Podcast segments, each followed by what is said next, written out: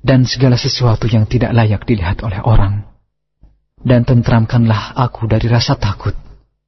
Ya Allah, peliharalah aku dari depan, belakang, kanan, kiri, dan dari atasku. Aku berlindung dengan kebesaranmu, agar aku tidak disambar dari bawahku. Aku berlindung dari dibenamkan ke dalam bumi. Dibaca pagi dan sore satu kali. اللهم عالم الغيب والشهادة فاطر السماوات والأرض رب كل شيء ومليكه. أشهد أن لا إله إلا أنت.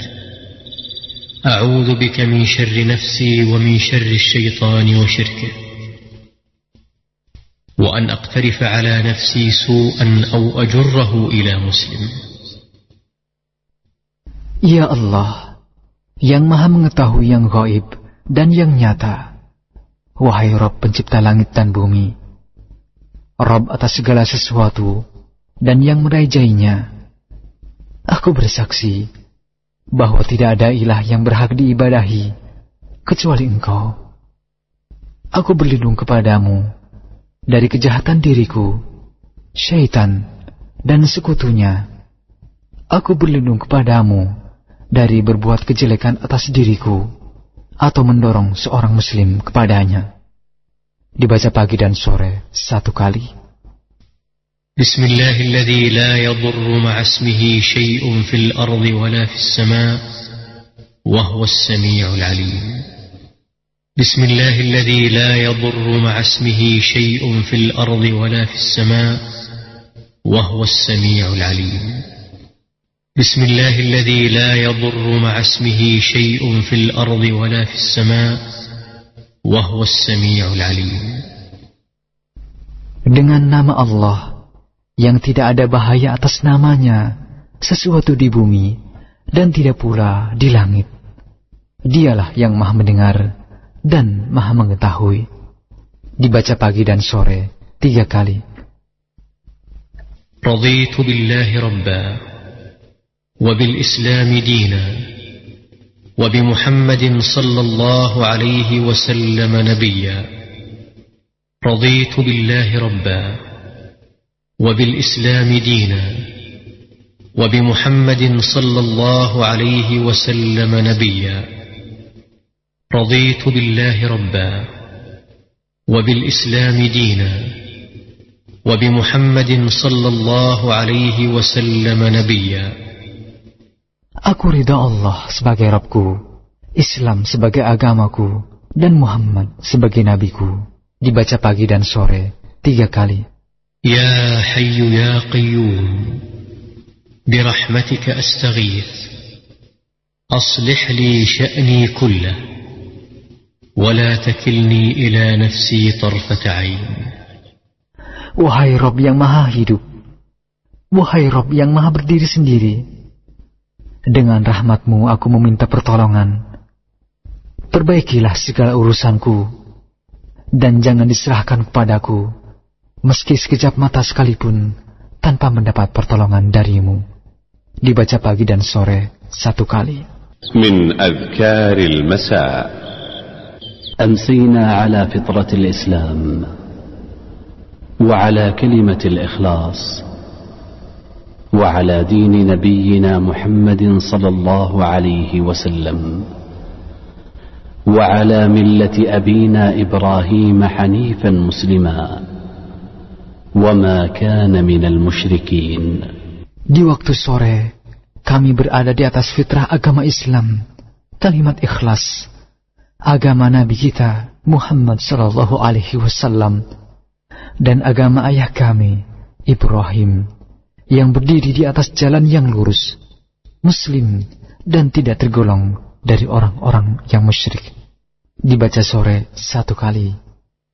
La ilaha illallah wahdahu la sharika lah. Lahul mulku wa lahul hamd. Wahuwa ala kulli syai'in qadir. Tidak ada ilah yang berhak diibadahi dengan benar selain Allah yang Maha Esa tidak ada sekutu baginya, baginya kerajaan, dan baginya segala pujian, Dan dia maha kuasa atas segala sesuatu. Dibaca sepuluh kali atau dibaca satu kali. Subhanallah wa bihamdih. Maha suci Allah, aku memujinya. Dibaca seratus kali. أعوذ بكلمات الله التامات من شر ما خلق أعوذ بكلمات الله التامات من شر ما خلق أعوذ بكلمات الله التامات من شر ما خلق Aku berlindung dengan kalimat-kalimat Allah yang sempurna dari kejahatan sesuatu yang diciptakan. Dibaca sore tiga kali. فسبحان الله حين تمسون وحين تصبحون من أذكار المساء Saudaraku seiman para pendengar dimanapun Anda berada, pembahasan atau pembacaan doa sore kami hadirkan ke ruang dengar Anda semoga bermanfaat untuk kita semua. Saudaraku seiman dimanapun Anda berada, Alhamdulillah di kesempatan sore yang berbahagia ini kita akan simak dan ikuti kembali secara langsung kajian ilmiah dari materi pembahasan syarah dari kitab Safinatun Najah karya Syekh Salim bin Sumer Al-Hadrami Asy-Syafi'i rahimahullahu taala yang disampaikan oleh Al-Ustaz Dr. Muhammad Arifin Badri MA Hafirullahu taala. Beliau adalah uh, staf dosen pengajar di Sekolah Tinggi di Rosah Islami uh, kami ulangi di Sekolah Tinggi di Rosah Islamiyah Imam Syafi'i Jember Jawa Timur.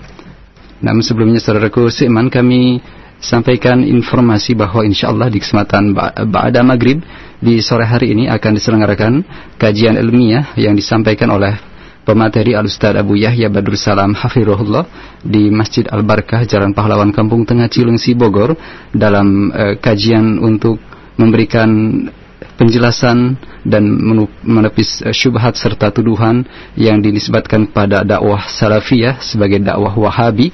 Benarkah dakwah salafiyah adalah dakwah wahabi? Simak penjelasan yang akan beliau sampaikan insyaAllah di Masjid Al-Barkah Jalan Pahlawan Kampung Tengah Cilengsi Bogor pada Ba'da Maghrib sampai dengan selesai di kesempatan uh, sore hari ini. Anda bisa hadir dan kajian ini terbuka untuk umum bagi kaum muslimin dan muslimat. Nah, ikhwatal Islam saudaraku seiman, kita akan simak dan ikuti secara langsung kajian ilmiah untuk di kesempatan sore hari ini dari pembahasan kitab Safinatun Najah karya Syekh Salim bin Sumer Al-Hadrami Asy-Syafi'i rahimahullahu taala yang disampaikan oleh Al-Ustaz Dr. Muhammad Arifin Badri Hafirullah. Alhamdulillah kita sudah terkoneksi dengan beliau di kesempatan sore hari ini kita coba untuk menyapa beliau. Assalamualaikum warahmatullahi wabarakatuh ya, ya Ustaz. Waalaikumsalam warahmatullahi wabarakatuh. Alhamdulillah kami mengucapkan terima kasih Ustaz Jazakallah khairan atas keluangan waktunya di kesempatan sore hari ini. Semoga Allah memberikan keberkahan dan penjagaan untuk Al Ustaz beserta keluarga dan saudaraku seiman. Kita akan simak pembahasan yang akan beliau sampaikan dalam kitab yang penuh manfaat ini dan terakhir pembahasan yang beliau sampaikan terkait dengan tata cara sujud yang benar di kesempatan berikut ini kita akan simak kelanjutannya untuk Al Ustaz kami eh, persilakan. Falyatafadhal masykurah. بسم الله الرحمن الرحيم إن الحمد لله نحمده ونستعينه ونستغفره ونعوذ بالله من شرور أنفسنا وسيئات أعمالنا من يهده الله فلا مضل له ومن يضلل فلا هادي له أشهد أن لا إله إلا الله وحده لا شريك له وأشهد أن محمدا عبده ورسوله أما بعد Ikhwatul Islam, saudaraku seiman dan sakidah di mana pun Anda berada, puji dan syukur senantiasa kita panjatkan kepada Allah Azza wa Jal. Hanya karena kemurahan dan nikmatnya kita di sore yang berbahagia ini dapat berjumpa kembali untuk terus membekali diri kita dengan ilmu dan terus memupuk iman kita dengan wahyu Allah Azza wa Jal. Salat serta salam juga tidak luput untuk kita aturkan kepada Nabi kita Nabi Muhammad sallallahu alaihi wasallam kepada keluarganya dan juga sahabat-sahabatnya yang telah terbukti menjadi pembela dan pejuang dinul Islam semasa hidup Rasulullah SAW dan sepeninggal beliau hingga akhirnya dinul Islam agama yang kita cintai ini dapat sampai ke negeri kita dan insya Allah hingga akhir masa kelak. Saudaraku seiman dan sakidah melanjutkan kajian kita dengan menelaah karya Syekh Salim Ibnu Sumair Al-Hadrami yang beliau beri judul Safinatun Najah Fima Yajibu 'alal 'abdi Maulah. Dan pada akhir pertemuan kita kita telah sampai pada pembahasan tentang tata cara sujud yang benar. Kala itu disampaikan oleh Syekh Salim bahwa syurutus sujud di sab'atun. Syarat sahnya sujud yang benar. Tata cara sujud yang benar itu harus mencakup tujuh persyaratan tujuh ketentuan yang telah dijelaskan pada waktu itu. Dan tidak mengapa sedikit mengulang di sini Syekh Salim mengatakan khatimatun penjelasan penutup tentang tata cara sujud beliau mengatakan Allah sujud di sab'atun anggota tubuh yang harus anda letakkan ketika sujud itu ada tujuh anggota tubuh. Yang pertama adalah jabhah dahi anda yang meliputi atau mencakup juga hidung anda. Sebagaimana Rasulullah SAW ketika beliau menjelaskan tentang perintah Allah Azza Jalla umir itu anak sudah ala sabati a'zam aku diperintahkan untuk sujud di atas tujuh anggota tubuh beliau kemudian mengisyaratkan ke jabhah ke dahi dahi beliau dan kemudian telunjuknya mengisyaratkan ke hidungnya wa asyara biyadihi ila anfih. Ini mencerminkan bahwasannya antara dahi dengan hidung itu adalah satu kesatuan yang tidak boleh dipisahkan.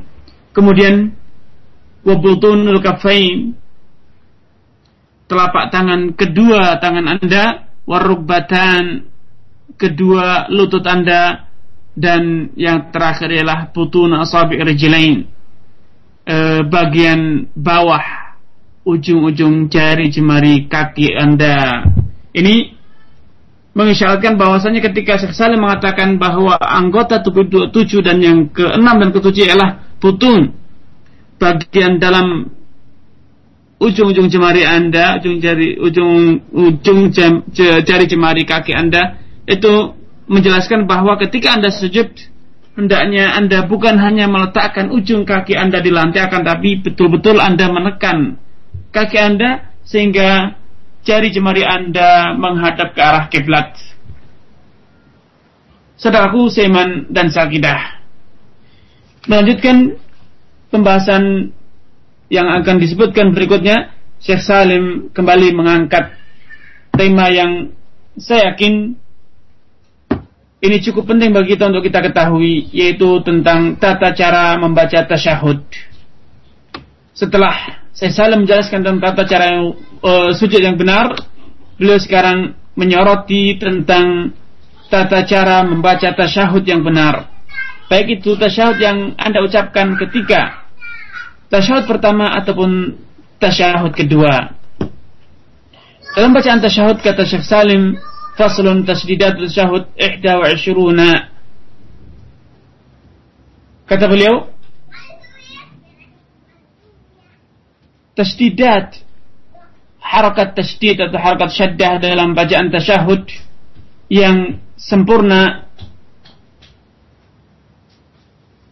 itu terdapat 21 terdapat 21 harakat tasyahud uh, tasdidat atau harakat syaddah khamsun fi akmalihi wa sittata asyara fi aqallihi namun kalau dirinci kata beliau ke-21 ini ini adalah bila kita mengikuti bacaan tasyahud yang paling sempurna.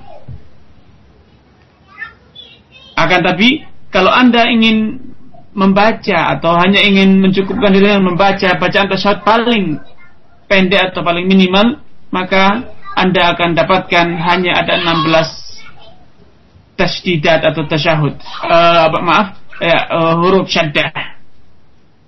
Nah, seperti yang Anda telah hafal dan telah Anda terapkan bacaan tasyahud yaitu at-tahiyatu lillah at-tahiyatu thayyibatu lillah at-tahiyatu thayyibatu lillah. Bacaan tasyahud ini katanya at-tahiyat. Tentu di dalam kata at-tahiyat ini ada dua syaddah yaitu pada pada at-ta yaitu pada huruf ta dan kemudian terletak pada huruf ya wal mubarakatus salawat. Terletak pada huruf sad at-tayyibat terletak pada huruf ta dan huruf ya. Lillahi terletak di antara, uh, di antara apa di di atas huruf lamul jalalah. Kemudian selanjutnya kata beliau assalamu ala sin yaitu terletak pada huruf sin pada ucapan Assalamu alaika ayuhan nabi terletak pada huruf ya dan huruf nun serta ya lagi warahmatullahi ala lamil jalalah. Kemudian terletak pada lamul jalalah pada huruf warahmatullah. Wabarakatuhu. Assalamu. Terletak pada huruf sin. Alaina wa ala ibadillahi.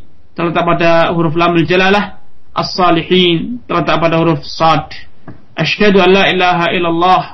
Asyhadu an la ilaha.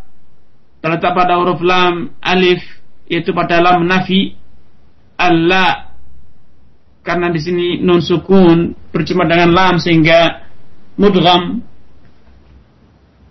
Yang disebut dengan idgham bila guna alla ilaha illallah terdak pada lam alif pada illa dan juga lam jalalah. Wa asyhadu anna terletak pada huruf nun Muhammadan Rasulullah terletak pada huruf mim itu huruf mim dari kata Muhammad wa ala ra wa ala lam jalalah itu terletak Muhammadar Rasulullah. Karena dal pada huruf Muhammad pada kata Muhammad itu menawan terkait tanwin sehingga ketika berjumpa dengan huruf ra maka diidghamkan namun bila gunnah maka secara otomatis pada di atas huruf ra itu terletak syaddah wa jalalah dan juga terletak pada huruf lamil jalalah yaitu Muhammad Rasulullah. Nah, ini terletak terdapat 21 uh, tasdidat atau uh, ya yang ketika kita menggunakan bacaan yang sempurna atau 16 tasdidat ketika kita hanya mencukupkan sebagian atau menurut uh, tasyahud berdasarkan riwayat yang terpendek. Akan tapi ikhwan wa seperti yang pernah saya utarakan ketika pembahasan dalam tata cara baca Al-Fatihah. Al-muallif penulis atau Syekh Salim bin Sumair Al-Hadrami begitu memberikan penekanan pada tata cara pembacaan huruf-huruf syaddah ini mengingat ini kembali kepada sisi historis dari penulisan kitab karya uh, kitab Safinat Tanja ini mengingat Pak masyarakat setempat kala itu yang notabene adalah masyarakat non Arab sehingga perlu penekanan penekanan yang uh, pada hal-hal yang mungkin menurut anda sekarang ini adalah hal-hal yang remeh atau hal yang sepele, namun di zaman beliau, di zaman apalagi di kala itu adalah negeri kita di Banten masih dikuasai oleh penjajah kolonial Belanda, maka ilmu agama dan juga pendidikan-pendidikan ilmu secara umum termasuk ilmu agama masih begitu jarang sehingga banyak dari masyarakat yang karena keterbatasan kala itu mereka kurang mampu membaca Al-Fatihah, kurang mampu membaca tasyahud dan juga kurang mampu membaca salat serta bacaan-bacaan salat yang lainnya. Karena pendidikan kala itu yang masih lemah dan kondisi masyarakat yang kala itu masih dalam kondisi penjajahan. Karenanya Syekh Salim Ibn Sumar al-Hadra memberikan penekanan dalam hal yang mungkin menurut Anda nampak sepele. Namun bila kita tinjau dari sisi seterusnya, kita akan sedikit memiliki gambaran bagaimana kondisi masyarakat yang ada di zaman beliau tatkala beliau menuliskan buku ini. Karena saya harapkan Anda tidak merasa mengapa Syekh Salim Ibnu Sumair seakan meremehkan kemampuan masyarakat dalam membaca Al-Fatihah, membaca uh, salawat ataupun tasyahud. Bukan meremehkan namun karena kondisi masyarakat di zaman beliau adalah menuntut beliau untuk melakukan ini semua. Karena saya tidak perlu panjang lebar dalam membaca membahas masalah ini. Karena saya yakin pendengar di mana pun anda berada telah kuasa untuk membaca tasyahud dengan benar. Selanjutnya, saya hanya ingin memberikan beberapa catatan penting tentang tasyahud. Menurut catatan dalam madhab syafi'i atau penjelasan para ulama-ulama syafi'i sebagaimana yang telah anda ketahui bahwa tasyahud itu ada dua tasyahud, tasyahud pertama dan tasyahud kedua terlebih pada salat yang berjumlah tiga rakaat atau empat rakaat seperti salat maghrib dan salat zuhur, asar dan isya. Nah, bacaan tasyahud yang telah diutarakan oleh Syekh Salim di atas itu dengan mengatakan At-tahiyatu al-mubarakatu salawatu at-tayyibatu lillah.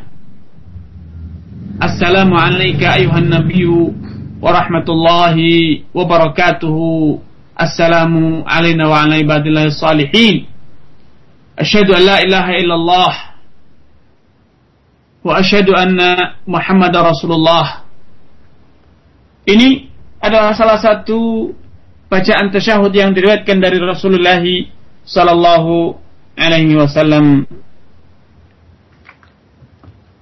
Dan perlu diketahui bahwa bacaan tasyahud bukan hanya satu model akan tetapi ternyata kita dapatkan Rasulullah SAW sebagaimana diriwayatkan dalam banyak riwayat.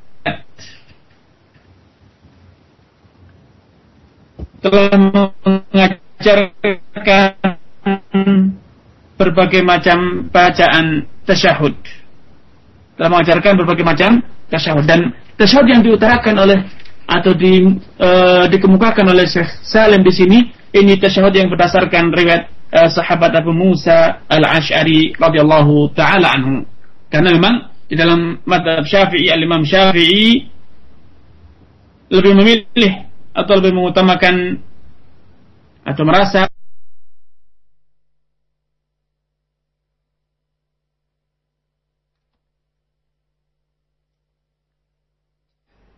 Saudara Kusiman, kami mohon maaf terputus koneksi audio dari kajian bersama Ustaz Arifin Badri Hafirullah untuk di sore hari ini kami akan coba untuk menghubungi kembali beliau setelah beberapa uh, jeda berikut ini.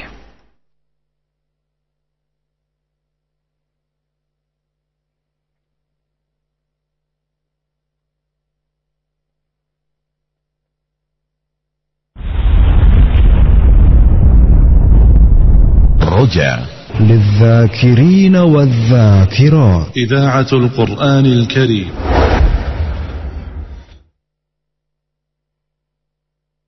أعوذ بالله. رجا تجو لمنام كيلو هرت للذاكرين والذاكرات. إذاعة القرآن الكريم. Alhamdulillah saudaraku seiman mas, uh, tersambung kembali kajian kita di kesempatan sore hari ini dan kami persilakan Ustaz untuk melanjutkan materi kita. Falyatafadhal masykurah. Ikhwan ahibbai bacaan tasyahud yang dikemukakan oleh Syekh Salim Ibnu Sumair Al-Hadrami ini itu hanyalah satu dari sekian bentuk bacaan tasyahud yang pernah diajarkan oleh Rasulullah sallallahu alaihi wasallam. Dan di dalam madhab syafi'i, al-imam syafi'i lebih memilih atau mengutamakan bacaan yang tasyahud yang telah dikemukakan di atas dan mohon maaf tadi saya salah sebutkan uh, tasyahud tersebut merupakan tasyahud yang diriwayatkan oleh sahabat Abdullah ibni Abbas.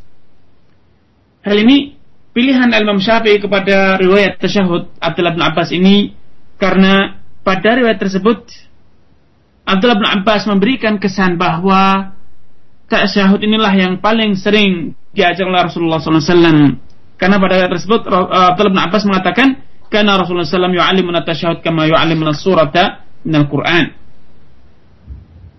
Dahulu Rasulullah Sallallahu Alaihi Wasallam mengajarkan kepada kita bacaan tasyahud sebagaimana halnya beliau mengajarkan satu surat dari Al-Quran kepada kami.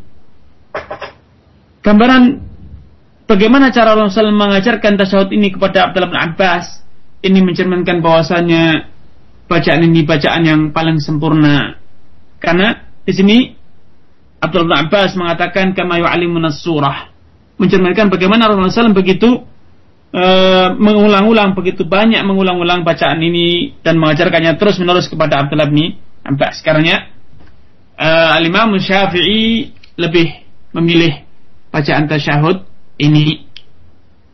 Namun seperti tadi saya katakan bahwasanya telah ditemukan berbagai model riwayat tasyahud dan insya Allah yang mana pun anda baca insya Allah tidak masalah. Misalnya yang diriwayatkan dari sahabat Abdullah bin Umar misalnya beliau meriwayatkan Rasulullah bahwa beliau ketika bertasyahud beliau mengatakan at-tahiyatu lillahi was-salawatu wat-thayyibatu assalamu alayka ayuhan nabi wa rahmatullah wa barakatuhu assalamu alayna wa ala ibadillah salihin asyhadu an la ilaha illallah wahdahu la syarika lahu wa asyhadu anna muhammadan abduhu wa rasuluh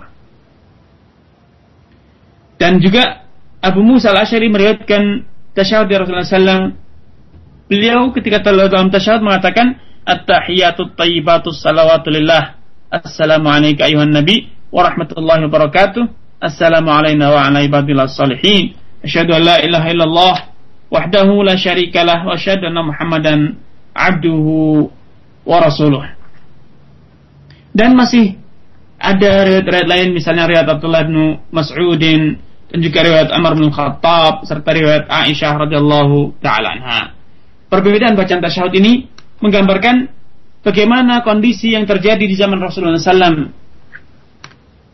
Riwayat tersebut, perbedaan tersebut bukan berarti e, menunjukkan bahwa Rasulullah SAW tidak komitmen dengan satu ajaran akan tapi itu semuanya beraneka ragamnya bentuk tasyahud ini menggambarkan bagaimana Rasulullah SAW dahulu e, bervariasi dalam ibadahnya. Kadang riwayat yang diajarkan oleh Abdullah bin Abbas, kadang membaca yang diajarkan kepada Abdullah bin Mas'ud, kadang membaca yang diriwayatkan oleh Aisyah radhiyallahu anha dan yang lainnya. Ini sebagaimana dijelaskan oleh banyak para ulama bahwa variasi dalam bacaan Al-Quran itu memiliki arti yang sangat penting, memiliki tujuan yang sangat mulia yaitu untuk menjaga konsentrasi dan kekhusyuan kita. Karena bila kita menonton dalam bacaan setiap kali kita salat hanya bacaan itu yang kita baca dan tidak pernah berubah, tidak pernah berganti, tidak pernah bervariasi, maka yang terjadi lama kelamaan lambat laun kita akan memiliki refleks dalam bacaan tersebut. Dan tatkala lisan kita telah refleks dengan bacaan tersebut karena terus menerus terulang dan terulang maka konsentrasi kita tingkat penghayatan kita terhadap bacaan kita akan lambat laun terus terkikis dan berkurang. Sehingga sampai saatnya nanti kita akan membaca bacaan tasyahud atau yang lainnya sedangkan kita sama sekali tidak pernah tidak lagi menghayati kandungan maknanya. Ya saya sarankan, saya anjurkan kepada pendengar dan juga kepada diri saya sendiri untuk terus berupaya meneladani Rasulullah SAW dalam salatnya sebagaimana yang beliau ajarkan kepada para sahabat yaitu bervariasi dalam berbagai macam bacaan salat termasuk bacaan iftitah, bacaan uh, zikir ruku, zikir sujud, bacaan tasyahud, bacaan salawat dan lain sebagainya. Dengan demikian, insya Allah dengan bervariasi ini kekhusyuan kita akan terbantu, terdorong sehingga godaan setan kita uh, kita akan menyempit ruang kerja setan, ruang godaan setan dan kita insya Allah akan terus bisa menjaga kekhusyuan kita. Selanjutnya, Syekh Salim berpindah kepada pembahasan lain yaitu tentang bacaan salat kepada Nabi salawat kepada Nabi Faslun tasdidatu uh, aqallis salah huruf syaddah dalam bacaan salawat kepada Nabi yang terpendek kata beliau ada arba'un ada empat. Itu Allahumma salli ala Muhammadin. Ya Allah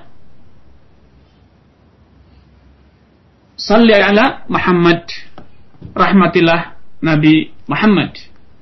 Atau sanjunglah Nabi Muhammad di atas di hadapan para malaikat dalam bacaan Allahumma salli ala Muhammad menurut Syekh Salim terdapat empat harokat syaddah yaitu Allahumma syaddah di atas huruf lam dan juga di atas huruf mim salli itu syaddah di atas huruf lam pada kata salli ala Muhammad dan syaddah pada huruf mim dari kata Muhammad. Menurut Syekh Salim ini adalah bacaan salawat kepada Nabi yang terpendek ini adalah bacaan salawat kepada Nabi yang terpendek kepada Nabi Muhammad SAW yang terpendek. Di dalam madhab syafi'i dinyatakan bahwa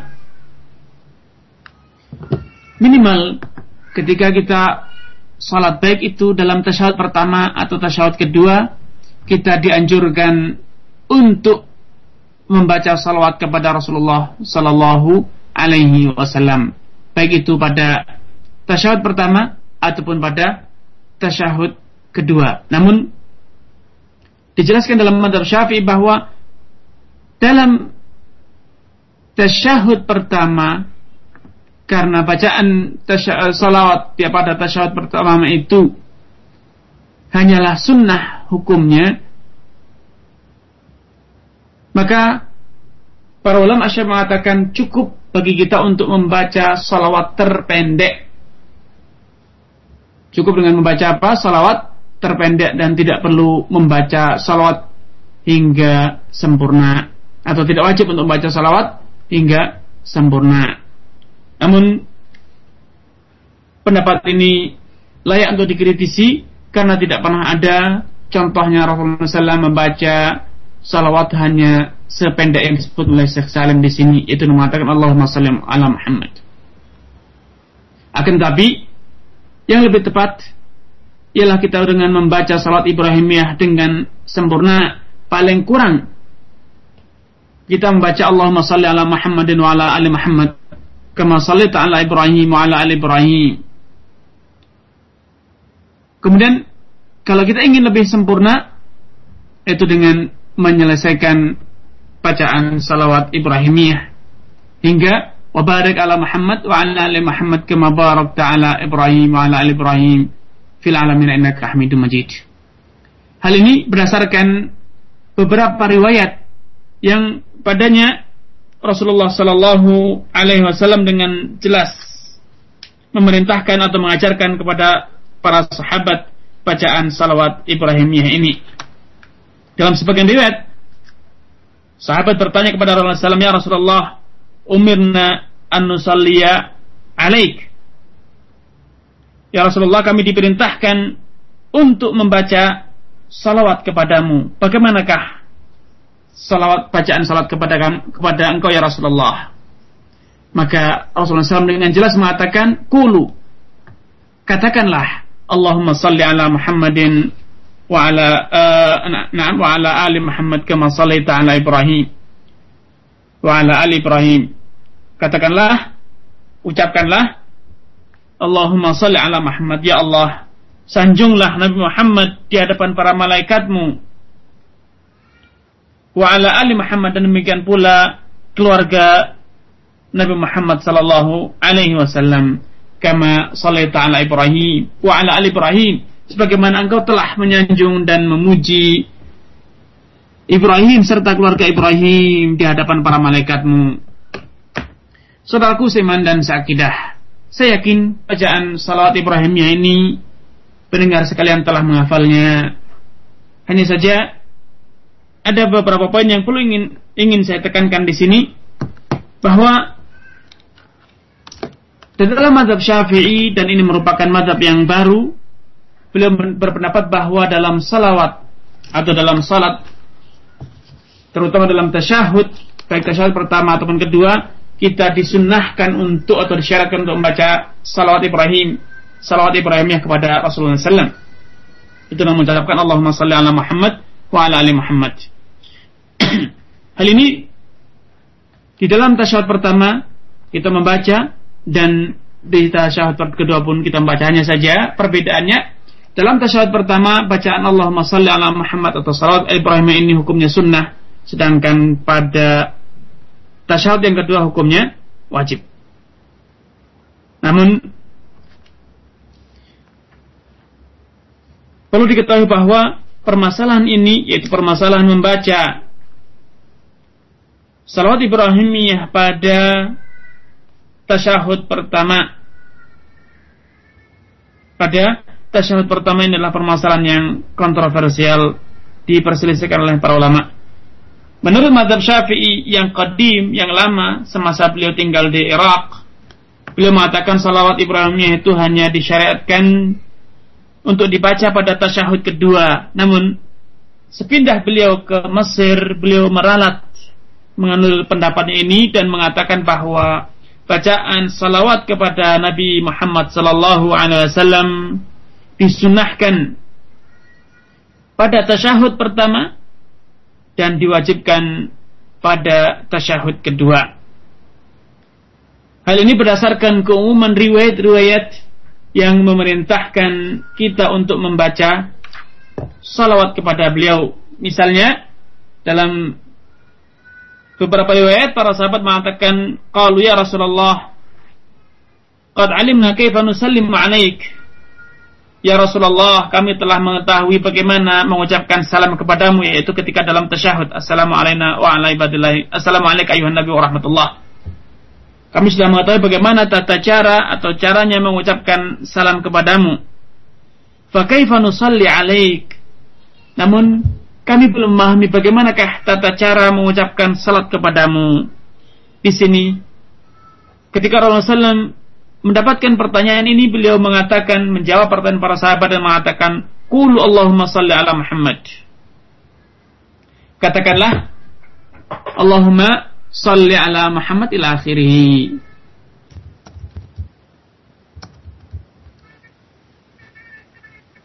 Jawaban Rasulullah wasallam ini yang mengatakan kulu Allahumma salli ala Muhammad katakanlah Allahumma salli ala Muhammad. Di sini Rasulullah SAW tidak membedakan apakah ini pada rakaat uh, tasyahud pertama ataupun tasyahud kedua. Karena riwayat-riwayat yang ada bersifat mutlak semacam ini itu tidak dibedakan. Riwayat yang mengajarkan atau mensyariatkan kita membaca salawat Ibrahimiyah kepada Rasulullah SAW tidak pernah ada yang membedakan antara tasyahud pertama dan tasyahud kedua, maka Imam Syafi'i meralat pendapat beliau ketika di Irak dan menyatakan bahwa tidak ada bedanya pada rakaat pertama ataupun uh, tasyahud pertama ataupun tasyahud kedua. Kedua-duanya kita disyaratkan untuk membaca salawat Ibrahimiyah. Itu mengucapkan Allahumma salli ala Muhammadin wa ala ali Muhammad. Sampai akhir bacaan salawat Ibrahimiyah. Karenanya wallahu taala alam karena memang kondisi dalil yang ada sebagaimana telah diutarakan di atas maka disyariatkan bagi Anda pendengar sekalian untuk membaca tasyahud ini baik ya, membaca salat ini baik pada tasyahud pertama ataupun pada tasyahud yang kedua. Kemudian yang perlu ditekankan juga untuk digarisbawahi yang kedua bahwa metode ataupun bacaan salawat kepada Nabi SAW dalam tasyahud ini sebagaimana halnya bacaan tasyahud juga ternyata Rasulullah SAW bervariasi dalam membacanya. Ternyata beliau tidak monoton dalam membacanya. Bahkan telah didapatkan berbagai, eh, berbagai riwayat, berbagai model bacaan salawat. Bisa sampai 6 atau 7. Misalnya, dalam satu riwayat Rasulullah mengucapkan Allahumma salli ala Muhammadin wa ala ahli baitihi wa ala azwajihi wa kama sallaita ala ala Ibrahim innaka Hamidum Majid wa barik ala Muhammad wa ala ahli baitihi wa ala azwajihi wa dhurriyyatihi kama barakta ala ala Ibrahim innaka Hamidum Majid dan juga diriwayatkan bagaimana dalam riwayat lain beliau mengatakan Allahumma salli ala Muhammadin wa ala ali Muhammad. Kama sallaita ala Ibrahim wa ala ali Ibrahim innaka Hamidum Majid. Allahumma barik ala Muhammad wa ala ali Muhammad kama barakta ala Ibrahim wa ali Ibrahim innaka Hamidum Majid. Dan masih banyak lagi riwayat-riwayat yang lain. Ini menekankan penjelasan yang telah saya utarakan di atas bahwasanya kita penting untuk bervariasi, bervariasi dalam menjalankan ibadah sehingga kita akan lebih khusyuk dalam dan lebih mudah untuk bisa menghayati apa yang kita ucapkan. Kemudian poin ketiga yang ingin saya garis bawahi di masyarakat beredar atau banyak diajarkan bahwa dalam salawat Ibrahim salawat Ibrahimnya ditambah kata-kata Sayyidina Allahumma salli ala Sayyidina Muhammad tambahan kata Sayyidina ini tidak pernah ditemukan dalam satu riwayat pun dari bacaan salawat Ibrahimiyah yang diajarkan oleh Rasulullah Sallallahu Alaihi Wasallam. Walaupun kalau anda ingin mengucapkan Sayyidina Muhammad di luar salat maka insya Allah tidak masalah. Akan tapi masalahnya menjadi berbeda tatkala anda mengucapkan Allahumma salli ala Sayyidina Muhammad wa ala alihi wa azwaji misalnya atau ala alihi wa ala ali Muhammad atau ala ali sayyidina Muhammad. Allahumma barik ala Ibrahim atau uh, mengatakan Allahumma salli ala sayyidina Muhammad wa ala ali sayyidina Muhammad kama salli ta'ala sayyidina Ibrahim wa ala ali sayyidina Ibrahim. Tambahan kata sayyidina ini menjadi bermasalah tatkala Anda ucapkan dalam salat. Karena menambah kata sayyidina berarti Anda merubah tata cara salat ataupun tata cara uh, ibadah yang diajarkan oleh Rasulullah SAW tentu ini perlu dikritisi dan perlu diluruskan. Walaupun seperti saya katakan kalau anda ingin mengucapkan Allahumma salli ala Sayyidina Muhammad di luar salat maka itu tidak ada masalah. Tidak ada yang melarang karena memang Rasulullah SAW adalah Sayyidina. Bahkan beliau adalah Sayyidu di Adam. Pemimpin anak keturunan Nabi Adam alaihi assalam. Namun masalahnya menjadi berbeda karena itu dilakukan di dalam salat. Saudaraku seiman dan seakidah. Pembahasan selanjutnya yang perlu saya tulis bawahi tentang bacaan salawat.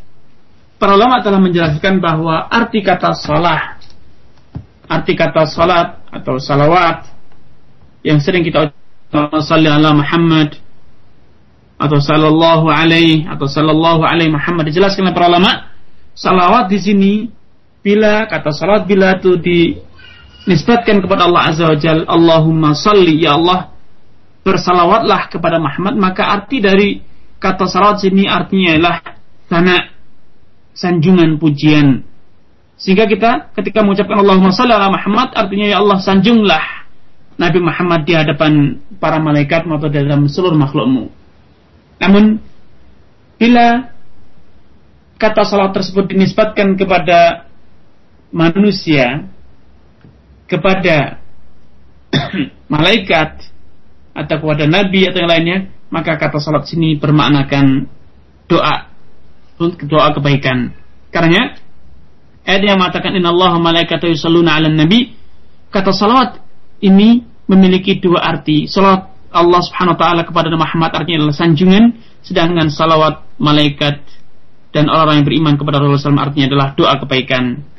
Karena demikian dapat dipahami bahwa pengertian kata-kata salawat bila dinisbatkan kepada Allah Azza wa Jalla sebagai iradatul rahmah Allah Subhanahu wa taala ingin memberi rahmat ini perlu dikritisi atau layak untuk diralat. Ini yang bisa saya sampaikan pada kesempatan sore yang berbahagia ini semoga apa yang disampaikan bermanfaat bagi kita semuanya dan menambah hazanah ilmu kita sehingga kita hari demi hari semakin mendekati ibadah kita dengan ibadah yang diajarkan oleh Rasulullah Sallallahu Alaihi Wasallam. Wallahu taala alam. Nah, terima kasih untuk Al Ustaz Jazakallah khairan atas materi dan pembahasan yang penuh manfaat dari risalah uh, yang disusun oleh Syekh Salim bin Sumer Al-Hadramiyah Syafi'i, kitab Safinatun Najah yang disampaikan di kesempatan sore hari ini. Saudaraku seiman dan seakidah di mana pun Anda, untuk selanjutnya kita akan memperluas kajian kita untuk di sore hari ini dengan sesi tanya jawab. Kami persilakan untuk Anda yang akan bertanya. Kami akan berikan kesempatan via telepon 0218236543 atau dengan pesan singkat di 0819896543 yang tentunya kami harapkan pertanyaan Anda berkesesuaian dengan materi di sore hari ini agar lebih uh, berfaedah kajian kita. Kami angkat untuk yang pertama dari penelpon. Halo, Assalamualaikum. Silakan, Bapak dari mana Pak? Pak Abu Fauzan, Pondok Kelapa, silakan Pak. Uh, Ustaz, uh, saya mau menanyakan mengenai tasyahud, perbacaan tasyahud uh, yang uh, salah satu yang pernah saya baca At-tahiyatul wa Iya, iya, uh, mohon maaf Bapak, Bapak Abu Fauzan diulangi karena Ustaz tadi tidak menyimak. Silakan Bapak silakan. Mengenai, ya, mengenai bacaan tasawuf Pak Ustaz. Uh, ya, pernah ya. saya baca At-tahiyatulillah salatu wa thayyibat. Assalamu ala nabi wa rahmatullahi. Sementara tadi Pak Ustaz Kita mohon penjelasan Pak Ustaz. Halo Bapak, uh, tadi ada yang terput sedikit terputus. Sementara ya. Ustaz tadi menyampaikan tentang Assalamualaikum. Hmm, iya baik. Sementara ada juga. Assalamualaikum ya. Ya. Assalamualaikum. Assalamualaikum Nabi. Baik, terima kasih Bapak ya. Abu Fauzan atas pertanyaannya. Waalaikumsalam warahmatullahi wabarakatuh. Waalaikumsalam warahmatullahi wabarakatuh. Silakan Ustaz. Jazakumullah khairan kepada Bapak Abu Fauz dari eh, Bekasi ya. Abu Fauzan di Pondok Pondok Kelapa Ustaz. Nah jazakumullah khairan kepada Abu Fauzan yang telah rendah hati untuk menemani kita di sore yang berbahagia ini. Pertanyaan yang beliau utarakan yaitu perbedaan sirah perbedaan pengucapan assalamu alaina uh, assalamu ala nabi atau assalamu alaika ayuhan nabi. Memang ini terjadi perbedaan pendapat di antara para ulama. Sebagian ulama mengatakan bahwa tidak ada bedanya bacaan salam kepada Rasulullah SAW antara beliau semasa beliau hidup dan sepeninggal beliau. Ini berdasarkan riwayat-riwayat yang telah tetap bahwasanya Amirul Mukminin Umar Khattab ketika beliau mengajarkan salam kepada Nabi Sallallahu Alaihi Wasallam beliau mengajarkan tata cara mengucapkan salam kepada Rasulullah uh, Rasulullah di Madinah. Beliau ternyata tetap saja mengucapkan Assalamualaikum ayuhan nabi wa rahmatullahi wabarakatuh dan ini tidak diingkari oleh para sahabat yang lain sikap atau pengajaran dari sahabat uh, Umar Amirul Umar bin Khattab ini menjadi bukti nyata bahwa tidak ada bedanya antara sepeninggal Nabi dan semasa hidup Nabi Sallallahu Alaihi Wasallam yaitu dengan mengucapkan Assalamualaikum ayuhan Nabi wa rahmatullahi wabarakatuh. Namun sebagian ulama lain berdasarkan riwayat atau pengakuan sahabat Abdullah ibn Mas'ud dan juga Abdullah ibn Abbas. Keduanya mengatakan bahwa ucapan Assalamualaikum ayuhan Nabi itu hanya mereka ucapkan semasa hidup Rasulullah SAW. Namun sepeninggal beliau, maka kata Abdullah bin Abbas dan juga Abdullah bin Mas'ud, "Falamma qubida kulna assalamu ala nabi sallallahu alaihi wasallam. Setelah beliau meninggal, maka kami para sahabat maksudnya mengucapkan assalamu ala nabi sallallahu alaihi wasallam.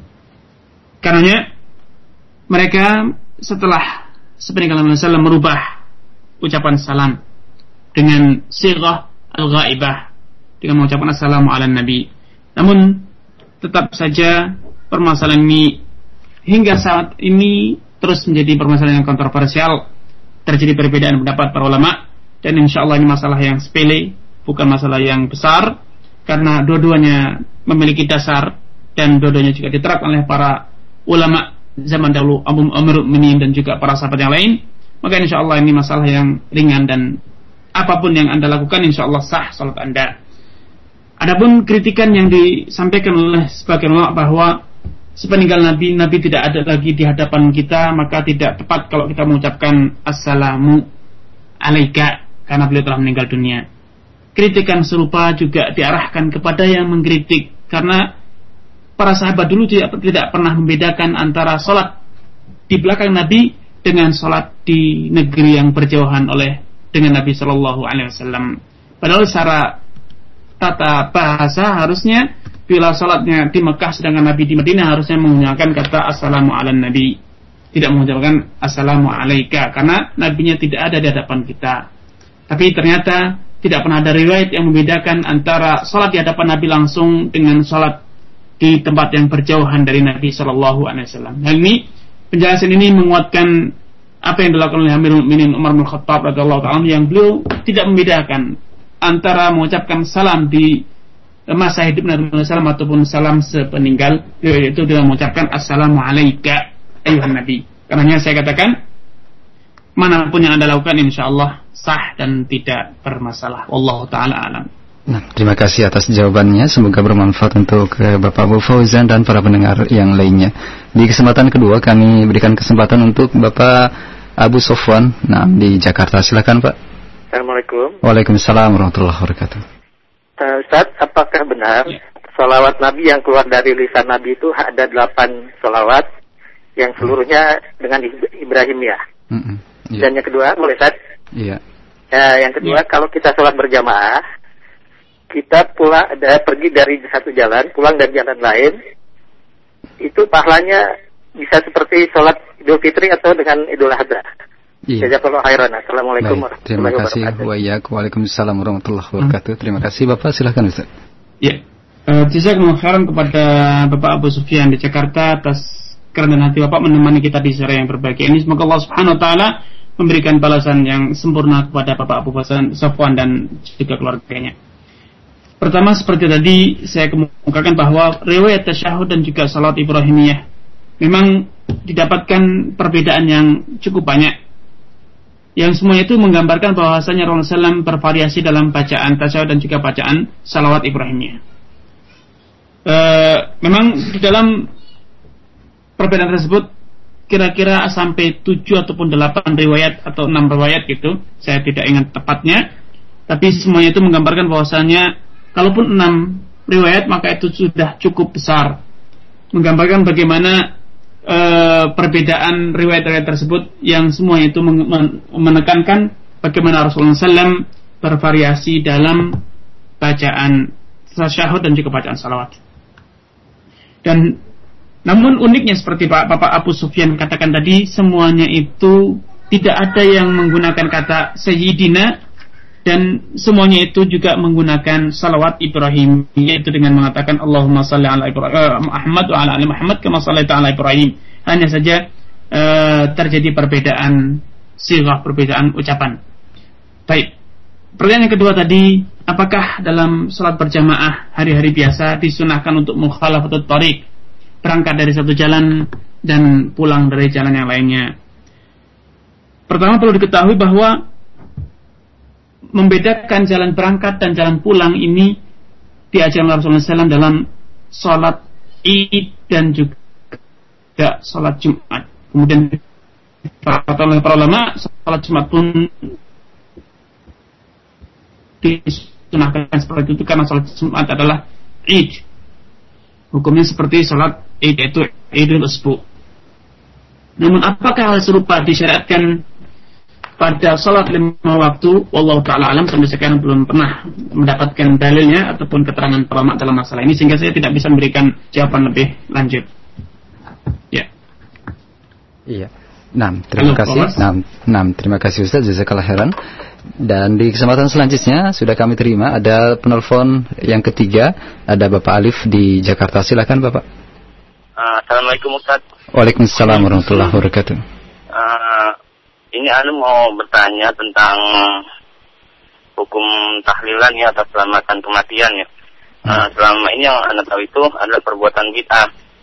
Nah, hmm. anda kan selama ini nggak pernah uh, apa hadir setiap ada undangan acara tersebut. Namun anda sering dikasih makanan-makanan dari acara-acara tersebut Ustaz. Seperti acara menuju bulan atau tahlilan. Itu gimana di hukum makanan tersebut? Apakah boleh dimakan atau tidak Ustaz? Iya. Itu aja Ustaz. Baik, terima kasih. Baik. Waalaikumsalam warahmatullahi wabarakatuh. Silakan Ustaz. Ya, pertama-tama saya ucapkan jazakumullah khairan kepada Bapak Alif di Jakarta atas kerendahan hati menemani kita di sore yang berbahagia ini. Semoga Allah Subhanahu wa taala senantiasa melimpahkan taufik hidayah kepada Bapak Alif dan keluarganya. Pertama, permasalahan tahlilan bid'ah. Saya katakan, siapa bilang tahlilan bid'ah? Tahlilan itu adalah sunnah. Rasulullah SAW beliau mengatakan uh, selalu mengucapkan la ilaha illallah bahkan banyak sekali bahkan beliau menganjurkan kepada umatnya untuk membaca tahlilan yaitu mengucapkan la ilaha illallah hanya saja yang perlu dipermasalahkan bila bacaan itu hanya dilakukan ketika ayahnya meninggal atau ibunya meninggal atau ada orang yang hanya mau mengucapkan tahlil yaitu la ilaha illallah kapan? Kalau mbahnya sudah meninggal atau karib kerabatnya meninggal dunia.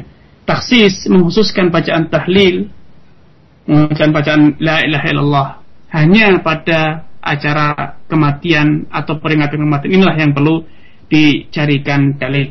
Sampai sekarang wallahu taala tidak pernah ada dalil yang memberikan pengkhususan bahwasanya ketika ada orang mati kita membaca la ilaha illallah, kalau tidak berarti kita tidak.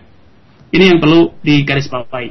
Namun perlu dipahami bahwa bacaan tahlil yaitu la ilaha illallah itu adalah termasuk bacaan yang baqiyatus salihat, bacaan yang sangat dianjurkan oleh Rasulullah Sallallahu Alaihi Wasallam dan banyak dilakukan oleh beliau.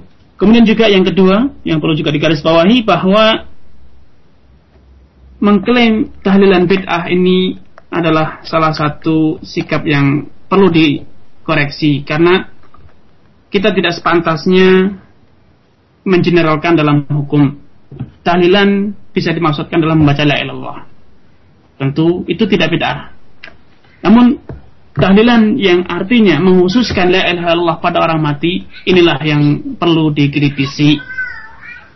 Kemudian yang ketiga tahlilan kalau dianggap tidak sah atau tidak afdol kecuali bila dibaca dengan rame-rame berbareng-bareng nah ini juga yang perlu dikritisi akan tapi kalau orang duduk sendiri membaca la ilaha illallah zikir ketika orang tuanya meninggal atau sebelum meninggal atau setelah meninggal setiap hari siang sore dan malam maka itu adalah satu amalan salah yang perlu digalakkan. Karena itulah bagian dari zikir kepada Allah Azza wa Jalla. Bahkan itu merupakan syahadat Islam kita amalan yang afdal. Dengan ucapan tahlil la ilaha illallah seseorang menjadi muslim.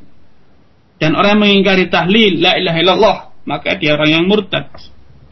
Karena tidak sepantasnya kita membuat uh, ucapan-ucapan uh, yang bersifat umum memiliki penafsiran yang berbeda-beda lebih baik kita menggunakan istilah yang lebih terperinci dengan mengatakan bahwa menghususkan bacaan tahlil pada kematian ini tidak ada contohnya.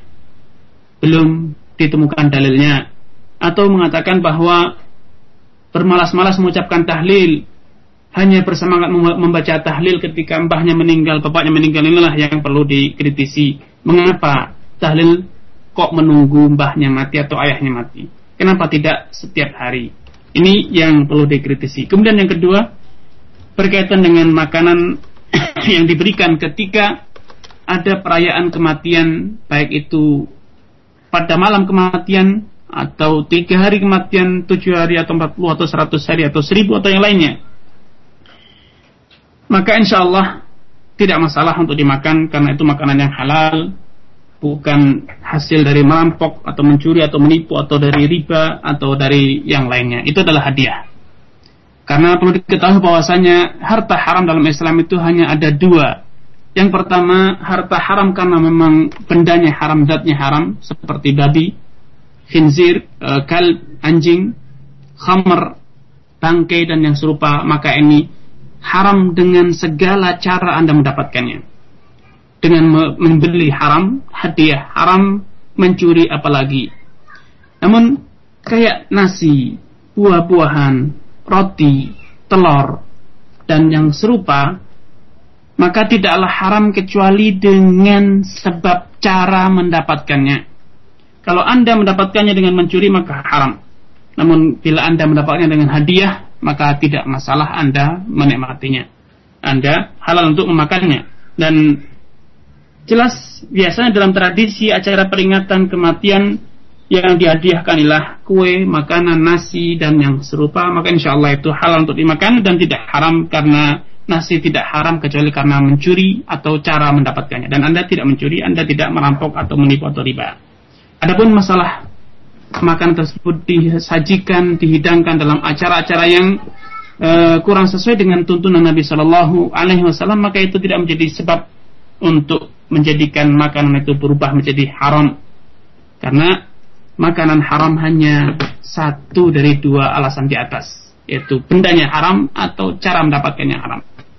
Karena dahulu Rasulullah SAW tidak pernah merasa enggan untuk menerima hadiah dari Yahudi dan tidak pernah merasa tidak pernah perlu untuk bertanya apakah makanan tersebut untuk sesajian atau tidak, apakah makanan tersebut untuk peringatan atau tidak atau macam-macam. Selama makanan tersebut halal maka beliau terima dan beliau menikmatinya dan tidak pernah mengusut itu digunakan untuk acara atau tidak untuk acara. Wallahu taala alam.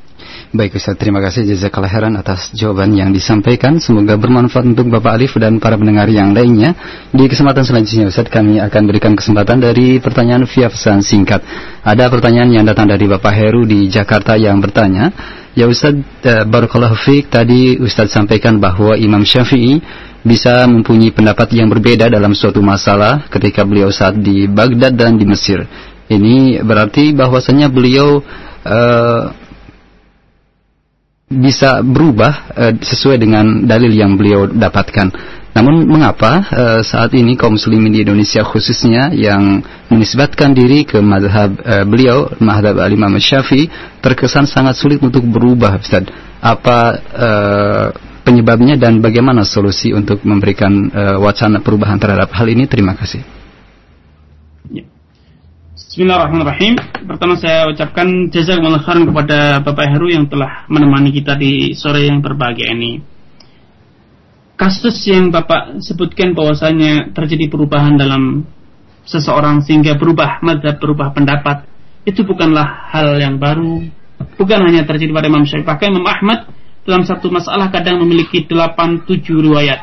Imam Malik kadang dalam satu masalah memiliki 3 riwayat Imam Abu Hanifah kadang juga demikian dan juga yang lainnya. Itu adalah suatu hal yang wajar karena manusia itu bisa lupa, bisa salah, bisa uh, memiliki keterbatasan-keterbatasan yang lainnya. Dan Imam Syafi'i sepeninggal beliau dari uh, Baghdad berpindah ke Mesir tentu di dalam perjalanan dan juga setinggal mereka, uh, beliau di uh, Mesir tentu mendapatkan atau bertambah ilmu dan juga bisa jadi karena beliau lupa atau faktor yang lainnya banyak faktor yang menjadikan seseorang berubah pendapat. Sehingga wajar beliau-beliau e, merubah ataupun meralat sebagian pendapat yang telah beliau ajarkan. Karena itulah manusia yang abadi yang kekal hanyalah Allah Azza dan ini tentu menjadi pelajaran tersendiri bagi kita semuanya betapa besarnya jiwa para ulama mereka siap untuk meralat mereka siap untuk mengakui kesalahan ataupun kekurangan yang e, mereka lakukan sendiri tanpa ada beban sedikit pun. Itu cerminan dari keikhlasan para ulama yang itu di zaman kita memang hasbunallah menjadi suatu hal yang langka. Namun perkataan kedua dari Bapak Heru bahwasanya orang-orang Syafi'i di zaman sekarang sulit untuk berubah, saya kurang setuju karena kata-kata ini hanya bisa diklaim, bisa diucapkan kalau Bapak Heru telah mengadakan sensus atau uh, yang serupa yang di, kemudian dihasilkan satu kesimpulan bahwasanya fakta di lapangan Syafi'i tidak berubah, tidak bisa berubah atau sulit berubah. Karena untuk menghukumi banyak orang tentu kita tidak boleh ceroboh, kita harus waspada, hati-hati, jangan sampai kita mendolimi orang lain, berdusta atas nama orang lain. Kalau kita katakan sebagian orang Syafi'i, kenapa fanatis dengan pendapat Syafi'i? Maka perlu digarisbawahi Orang yang dikatakan syafi'i, pengenal syafi'i itu bukan hanya satu model. Yang pertama, orang awam yang dia tidak berilmu dan dia hanya mendengarkan dari gurunya bahwa inilah yang benar, inilah yang diajarkan oleh Rasulullah SAW, inilah yang diajarkan oleh Imam Syafi'i. Maka wajar bila orang awam seperti itu kondisinya, yaitu hanya meniru dan mengamalkan pendapat gurunya. Karena orang awam tidak memiliki kapasitas untuk membandingkan untuk membandingkan ataupun uh, memilah dan memilih.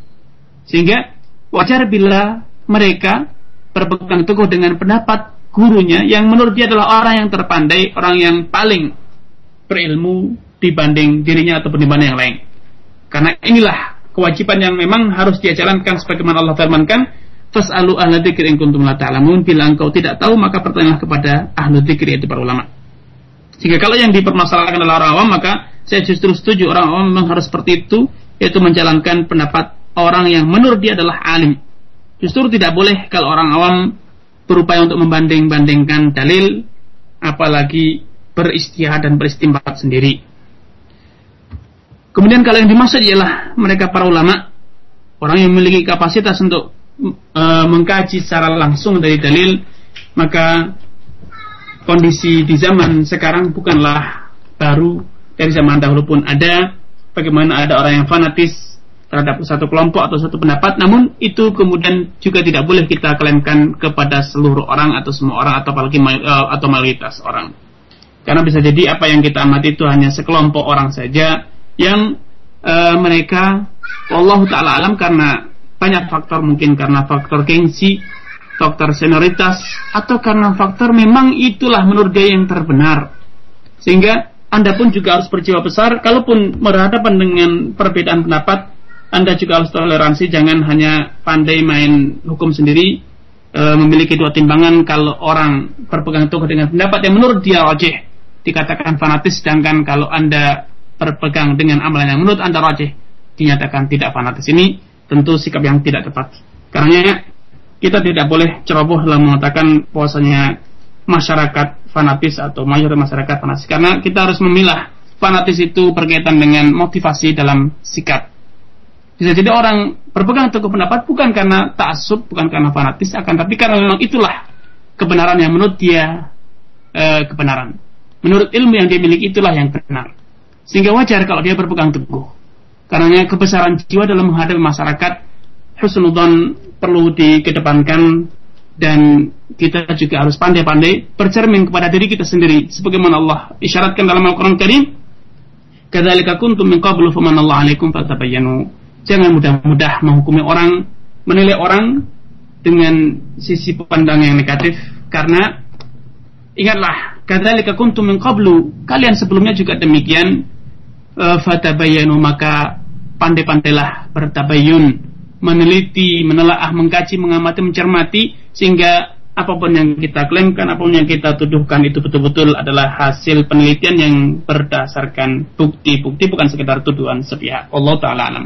Baik, terima kasih atas jawaban yang Ustaz sampaikan. Jazakallah khairan. Untuk selanjutnya kami angkat pertanyaan dari e, dua penanya. Ada Bapak Yusron di Jamilur Rahman Yogyakarta dan satu penanya yang tidak menyebutkan namanya terkait dengan e, perbedaan antara tasyahud awal dengan tasyahud akhir. Maksudnya dari sisi bacaan Ustaz. Apakah di e, untuk tasyahud awal itu dibatasi hanya membaca sampai dengan tasyahud saja tanpa dengan salawat ataukah bagaimana yang roji? Mohon penjelasan dari Ustaz. Terima kasih kepada Bapak Yusron di Yogyakarta. Semoga Allah Subhanahu wa taala membalas kerendahan hati Bapak yang telah menemani kita di sore yang berbahagia ini dan semoga Allah Subhanahu wa taala senantiasa menambahkan ilmu taufik hidayah kepada Bapak dan keluarga. Uh, tadi telah jelaskan bahwa dalam madhab syafi'i yang terdahulu yaitu yang qadim dinyatakan bahwasanya dalam bacaan tasyahud pertama kita hanya membaca hingga bacaan tasyahud yaitu asyhadu alla ilaha illallah wa asyhadu anna muhammadar rasulullah. Namun Kemudian beliau meralat pendapat ini dan mengatakan sepeninggal uh, setelah beliau berpindah ke Mesir, beliau mengatakan bahwa dalam tasyahud pertama sebagaimana halnya pada tasyahud kedua kita disunnahkan untuk membaca salawat Ibrahimiyah. Sehingga kita membaca Allahumma salli ala Muhammadin wa ala ali Muhammad kama sallaita ala Ibrahim wa ala ali Ibrahim. Allahumma barik ala Muhammad wa ala ali Muhammad kama barakta ala Ibrahim wa ala ali Ibrahim. Innaka Hamidum Majid. Hingga sini. Itu dilengkapi dengan bacaan salawat Ibrahimiyah. Karena riwayat-riwayat yang ada tidak membedakan antara tasyahud pertama dan tasyahud kedua. Karena Allah Taala alam pendapat Imam Syafi'i yang tahu inilah pendapat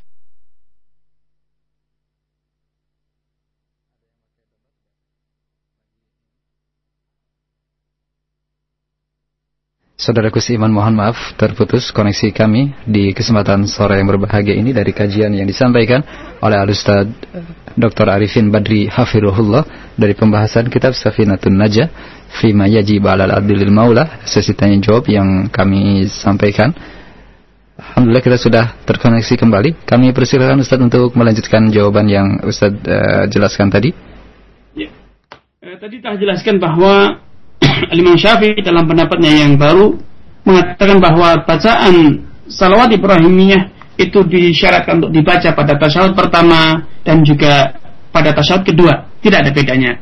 Mengingat dalil-dalil yang mengajarkan tentang salawat Ibrahimiyah ini tidak membedakan antara tasyahud pertama dan tasyahud kedua sehingga pendapat madhab syafi'i yang terdahulu yang membedakan antara tasyahud pertama dan tasyahud kedua itu terbukti kurang kuat sehingga yang sahih yang lebih kuat adalah yang mengatakan salat Ibrahim yang dibaca pada tasyahud pertama dan juga pada tasyahud kedua Allah taala alam Baik, saya terima kasih jazakallah khairan atas jawaban yang telah disampaikan.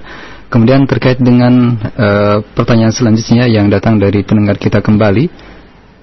Nah, dari Bapak Abu Zaid di Luwuk Banggai yang bertanya, Ya Ustaz, kapankah uh, mulai telunjuk kita isyaratkan dalam tasyahud Ustaz? Ada sebagian kaum muslimin yang dari awal tasyahud dan ada yang di tempat yang lainnya. Mohon penjelasan dari Al-Ustaz Jazakallah khairan. Ya. Uh, ikhwan wa jazakumullah khairan atas kebersamaan antum di sore yang berbahagia ini. Semoga Allah Subhanahu wa taala menambahkan taufik hidayah kepada penanya dan juga yang lainnya di sore yang berbahagia ini. Berkaitan dengan isyarat, isyarat telunjuk dalam tasyahud. Apakah isyarat dalam telunjuk uh, isyarat dengan telunjuk dalam tasyahud itu hanya dilakukan ketika kita mengucapkan asyhadu alla ilaha illallah atau kita disyariatkan untuk melakukannya untuk mengisyaratkan dengan telunjuk kita sejak kita pertama kali duduk tasyahud dan membaca bacaan tasyahud. Dalil-dalil yang ada ikhwani wa hibbai wallahu taala alam tidak membedakan, tidak pernah memberikan uh, batasan dari mana kita apa, mengisyaratkan dengan telunjuk. Yang ada dalil-dalil yang bersifat mutlak yang menggambarkan bahwasanya Rasulullah SAW mengisyaratkan dengan telunjuknya di dalam riwayat lain sebutkan yad'u bihi atau bi isbihi Rasulullah SAW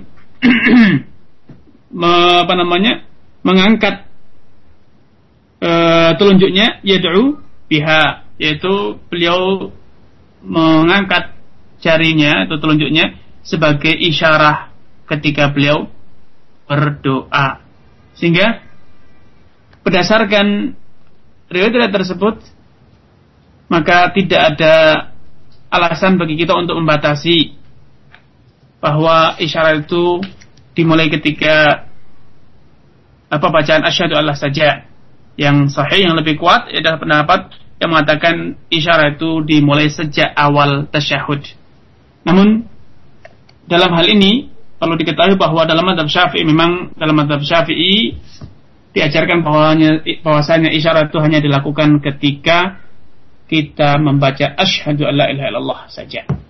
Tapi Allah taala alam pendapat tersebut kurang begitu kuat karena dalil-dalil yang ada bersifat mutlak yaitu Rasulullah karena idza asyara bi isbahi wada ibhama ala al-wusta atau riwayat yang mengatakan karena rafa isbahu yuharriku yad'u biha Rasulullah SAW itu mengisyaratkan dengan telunjuknya uh, sebagai isyarat bahwasanya beliau itu berdoa dengan isyarat tersebut.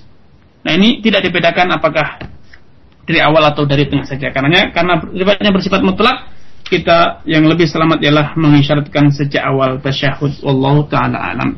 Nah, terima kasih untuk Al-Ustaz Jazakallah khairan. Masih ada waktu Ustaz untuk menyampaikan pertanyaan selanjutnya? Satu lagi. Satu lagi Ustaz ya. Baik, dari Bapak Abdullah di Kelapa Nunggal Bogor, kemudian ada uh, pendengar yang lainnya Umu Abdullah di Yogyakarta yang bertanya hal yang sama terkait dengan uh, bagaimanakah Ustaz sebenarnya posisi dari duduk tasyahud yang roji pada solat yang dua rakaat? Apakah duduk iftiras ataukah tawarruk? Dan tambahan dari ya. Umu Aisyah, uh, Umu Ab, uh, Abdullah tadi, bagaimana pula dengan duduk uh, tasyahudnya bagi solat uh, uh, witir yang tiga rakaat Ustaz. Terima kasih. Ya. Pertama-tama saya katakan jazakumullah khairan kepada Bapak Abdullah dan juga Ummu Abdullah atas kebersamaan anda berdua di sering berbagai ini. Semoga Allah Subhanahu wa taala senantiasa melimpahkan taufik hidayah dan inayahnya kepada Anda keluarga dan uh, Anda berdua dan keluarga. Terjadi perbedaan pendapat di antara para ulama apakah ketika salat yang hanya memiliki satu tasyahud. Apakah kita disunahkan untuk duduk iftirash ataupun tawarruk? Iftirash itu duduk dengan kita meletakkan atau menduduki telapak kaki kiri kita ataupun tawarruk itu dengan memasukkan telapak kaki kiri kita ke bawah eh, lipatan kaki kanan kita. Di dalam adab syafi'i diajarkan bahwasanya yang sunnah ialah tawarruk. Yang sunnah ialah tawarruk. Sedangkan dalam adab hambali diajarkan bahwasanya yang sunnah ialah iftirash. Itu Anda duduk dengan menduduki telapak kaki kiri Anda. Namun perlu diketahui bahwasanya khilaf dalam masalah ini adalah khilaf yang ringan karena tidak ditemukan riwayat yang sarih dalam masalah ini. Tidak ada riwayat yang dengan tegas memerintahkan Anda untuk istirahat atau untuk tawarruk, maka insya Allah Anda duduk dengan istirahat atau dengan tawarruk insya Allah sah secara hukum. Karena hayah duduk ini atau cara duduk ini hanya sekedar uh, sunnah saja tidak wajib. Dan kalau anda lakukan yang ini ataupun itu insya Allah sah. Dan karena masalah ini tidak ada masalah hadis yang sahih dan sharih yang menjelaskan bagaimana tata cara uh, duduk yang benar ketika tasyahud yang hanya satu kali tasyahud saja. Maka insya Allah dalam ini masalah yang ringan dan kalau anda lakukan ini ataupun itu insya Allah sah-sah saja. Walaupun banyak para ulama lebih menguatkan pendapat yang dinyatakan oleh uh, Imam Ahmad rahimahullah taala yang mengatakan bahwa dalam salat yang hanya satu tasyahud Anda duduk eh, apa namanya iftiras duduk dengan cara menduduki telapak kaki kiri Anda Allah taala alam. Nah, saya terima kasih. E, pertanyaan tadi adalah penutup perjumpaan kita Ustaz. Ada kesimpulan atau hal yang akan disampaikan untuk menutup perjumpaan kita di penghujung ini silakan. Ikhwan wa pendengar di mana pun Anda berada untuk sekian kalinya saya katakan kepada diri saya dan juga kepada saudara-saudaraku sekalian di mana pun anda berada bahwa kitab Safinatun Najah karya Syekh Salim bin Muslim al-Hadrami ini menggambarkan bagaimana kondisi uh, masyarakat di zaman beliau. Sehingga saya harapkan para pendengar bisa memahami atau menelaah kitab ini tanpa terlepas dengan tinjauan sisi historisnya, sisi sejarahnya. Dan bila Anda merasa bahwasanya pembahasan tentang bagaimana membaca tasawuf salat yang dikaitkan dengan uh, tasdidat, harokat syaddah, syaddah dan yang lainnya, itu mungkin bagi Anda yang alhamdulillah telah mendapatkan karunia dari Allah Azza wa memahami sunnah, telah mempelajari sunnah Rasulullah SAW dengan baik, maka bersyukurlah karena kitab ini menggambarkan bagaimana kondisi masyarakat yang ada di zaman beliau. Karena bila Anda sekarang telah memiliki kemajuan besar dan kemajuan pesat, maka bersyukurlah pertama kali. Kemudian kedua, doakanlah nenek moyang Anda, kakek-kakek Anda yang dulu karena keterbatasan kondisi keterbatasan yang ada zaman itu menjadikan mereka sampai pun dalam bacaan Fatihah banyak melakukan kesalahan. Walaupun ternyata di zaman sekarang kondisi juga belum banyak berubah. Masih banyak dari saudara-saudara kita yang belum bisa sholat dengan benar. Bahkan membaca Fatihah saja banyak yang belum bisa. Apalagi yang mu'allaf. Bahkan orang Islam saja banyak yang belum bisa membaca sholat. Karena saudaraku seman sakidah. Uh, apa yang dijelaskan oleh Syekh Salam Nusumar ini hendaknya bisa kita dudukkan sebagaimana mestinya. Dan juga ini menambah hazanah ilmu kita sehingga dengan memahami pembahasan-pembahasan yang telah disampaikan di atas Anda insya Allah lebih mantap dalam membaca, dalam mengucapkan, melafatkan sehingga Anda lebih mendekati kepada sunnah Rasulullah SAW Kemudian poin yang kedua ingin saya tekankan bahwa dalam permasalahan-permasalahan ilmu fikih secara umum para ulama memang lebih mengetengahkan permasalahan-permasalahan yang terjadi khilaf. Bahkan kalau Anda mengkaji atau membuka muka kitab-kitab para ulama yang luas sampai pun semacam Al-Mughni, Al-Majmu' Al-Hawil Kabir, Al-Mawardi atau Al-Bayan, Al-Amrani ataupun yang lainnya atau Tamhid Ibn Abdul Bar Anda akan dapatkan bahwa mereka tidak begitu uh, respon tidak memberikan perhatian yang besar dalam permasalahan-permasalahan yang mujma' alaih yang disepakati para ulama. Mengingat permasalahan-permasalahan yang ijma, permasalahan yang telah disepakati para ulama itu tidak diperlukan pembahasan yang panjang lebar yang ada hanya sekedar pembuktian bahwasanya ijma tersebut valid benar adanya dan bila telah terbukti maka yang tersisa hanyalah mengamalkannya mengikutinya tidak perlu ada kajian lebih lanjut namun ilmu fikih seperti saya katakan tadi lebih menekankan, lebih mengumumkakan permasalahan-permasalahan yang terjadi khilaf. Karenanya syarat mutlak untuk mengkaji ilmu fikih ialah Anda harus memiliki lapang dada yang atau jiwa besar untuk bisa menghormati pendapat para ulama, untuk bisa menyelami pola pikir para ulama, untuk bisa mengkaji bagaimanakah dan dengan cara apakah atau dari sisi manakah kelemahan pendapat ulama A dan apakah kekuatan pendapat ulama A serta yang lainnya. Dan demikian dalam kajian-kajian fikih pastilah kita akan senantiasa dihadapkan dalam khilaf dan karena khilaf itu adalah bagian utama dalam ilmu fikih maka kebesaran jiwa sangat dituntut. Karena saya mengharapkan kepada saudaraku sekalian semuanya dari pendengar yang sore ini mengudara di bersama kita di sore ini, hendaknya kita berlatih untuk bisa berjiwa besar sehingga kita bisa toleransi terhadap khilaf yang ada dan kita mengedepankan uh, sisi ilmiah. Kita bertanya tentang dalil, apa dasarnya, apa landasannya, dan yang benar kita terima, yang salah kita kritisi serta kita tinggalkan. Karena tujuan dari kita belajar, tujuan kita dari mengkaji bukan untuk mempertahankan satu pendapat atau satu amalan, akan tapi untuk berupaya mengetahui dan memahami serta mengamalkan mana amalan dan ajaran yang lebih dekat ataupun yang tepat dengan ajaran Rasulullah Sallallahu Alaihi Wasallam. Wallahu taala alam.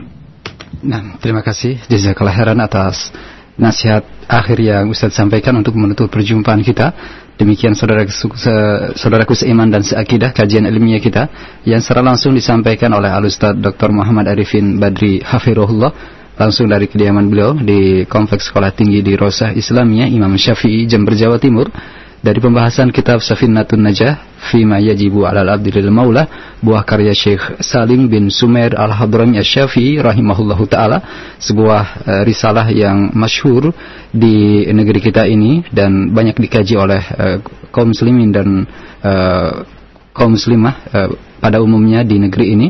Semoga bermanfaat apa yang beliau sampaikan dan terima kasih atas keluangan waktu dan eh, materi yang telah Ustaz sampaikan. Semoga Allah Subhanahu wa taala memberikan keberkahan dan penjagaan untuk Al Ustaz beserta keluarga.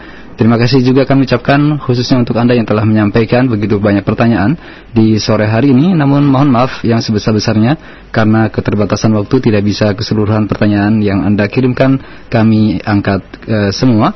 Semoga dari beberapa penanya yang bisa kami ajukan tadi bisa juga menjadi jawaban untuk Anda. Dan nantikan atau ikuti selanjutnya insya Allah semoga Allah Subhanahu wa taala memberikan kesempatan dan waktu bagi kita bertemu kembali bersama beliau di kesempatan yang akan datang. Demikian ikhwatal Islam. Kami mohon maaf atas segala kekurangan dan kulaifan dalam penyelenggaraan acara ini. Berikut kami akan sampaikan beberapa info untuk kajian ilmiah yang diselenggarakan untuk hari ini atau di pada maghrib nanti dan di hari Ahad esok. Terima kasih sekali lagi. Wassalamualaikum warahmatullahi wabarakatuh.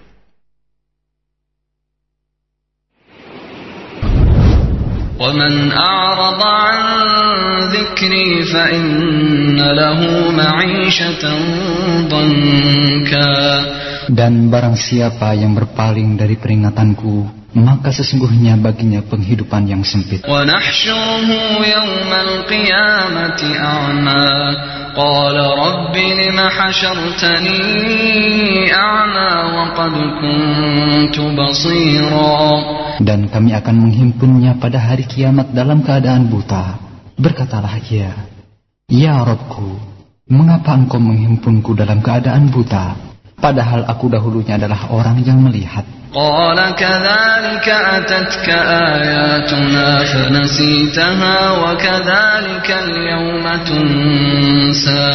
Allah berfirman, Demikianlah telah datang kepadamu ayat-ayat kami, maka kamu melupakannya.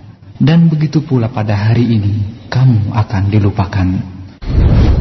Roja 756 كيلو هرتز للذاكرين والذاكرات. إذاعة القرآن الكريم.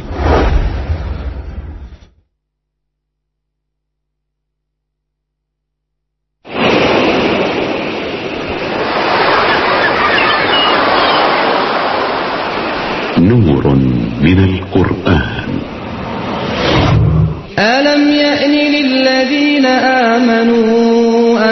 تخشع قلوبهم لذكر الله وما نزل من الحق.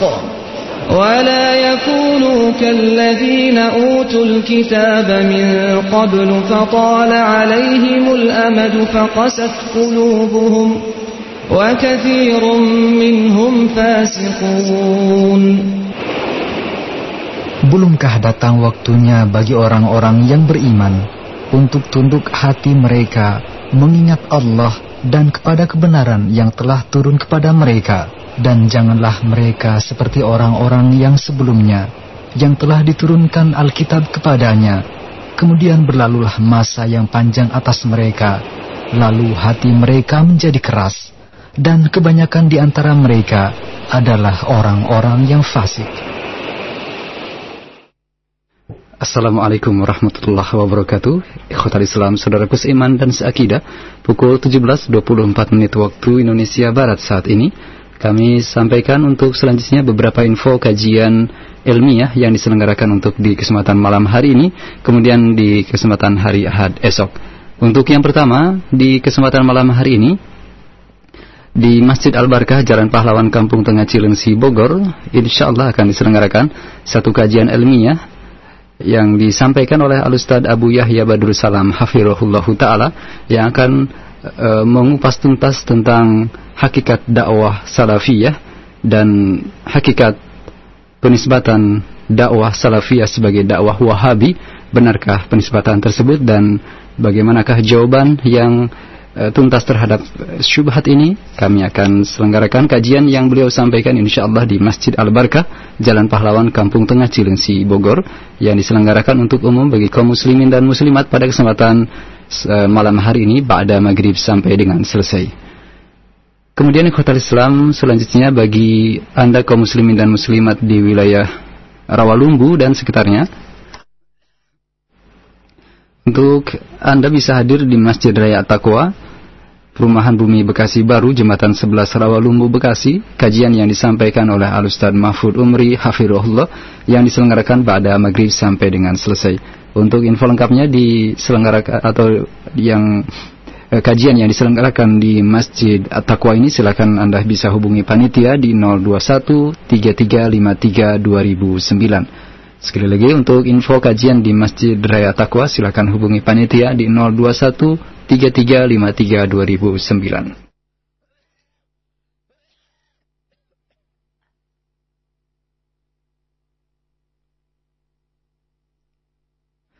Kemudian Khotal Islam untuk selanjutnya kajian ilmiah di kesempatan hari Ahad pagi untuk esok bagi Anda di wilayah Jakarta Selatan dan sekitarnya bisa hadir dalam kajian ilmiah daurah pelajar mahasiswa dan umum yang diselenggarakan dalam dua sesi. Untuk sesi pertama jam 9 sampai dengan menjelang duhur, pembahasan tema yang aku khawatirkan atas umatku bersama Ustadz Abu Yahya Badrul Salam dan sesi kedua jam 13 sampai dengan jam 15 waktu Indonesia Barat dalam pembahasan agar tidak terperangkap dalam perangkap iblis? Jawaban Islam terhadap pergaulan bebas bersama Ustaz Mahfud Umri Hafirullahu Ta'ala. Kajian ini atau dua sesi kajian ini diselenggarakan di Auditorium Arifin Panigoro, lantai 3 Universitas Al-Azhar Indonesia, Komplek Masjid Agung Al-Azhar, Jalan Sisinga Mangaraja, Kebayoran Baru, Jakarta Selatan. Dan untuk informasi lengkapnya bagi ikhwan silakan hubungi 0857 195 90003 0857 195 90003 dan untuk akhwat di 0856 934 08168 0856 934 08168 Untuk selanjutnya Khotal Islam bagi Anda khususnya di wilayah Depok dan sekitarnya untuk Ahad esok akan diselenggarakan kajian dalam pembahasan penjelasan hadis-hadis dalam kitab Arba'in Nawawiyah yang disampaikan oleh Al-Ustaz Arman Amri LC Hafirullahu Ta'ala. Kajian diselenggarakan di Masjid Darussalam, Blok D, Perumahan Jati Jajar, Jalan Raya Bogor, kilometer 35 Simpang Depok, Cimanggis. Kajian ilmiah ini diselenggarakan untuk umum dan diselenggarakan mulai pukul 8.30 waktu Indonesia Barat sampai dengan selesai. Untuk informasi lengkapnya di 0812 9301 Kami ulangi 0812 9301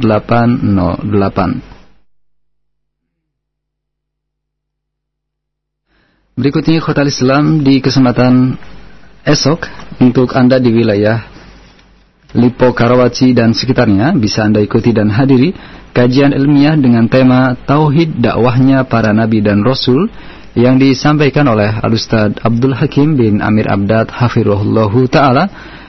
Beliau akan sampaikan kajian di Masjid Al-Hidayah Lipo Karawaci Tangerang atau tepatnya di sebelah kampus UPH Lipo Karawaci Tangerang.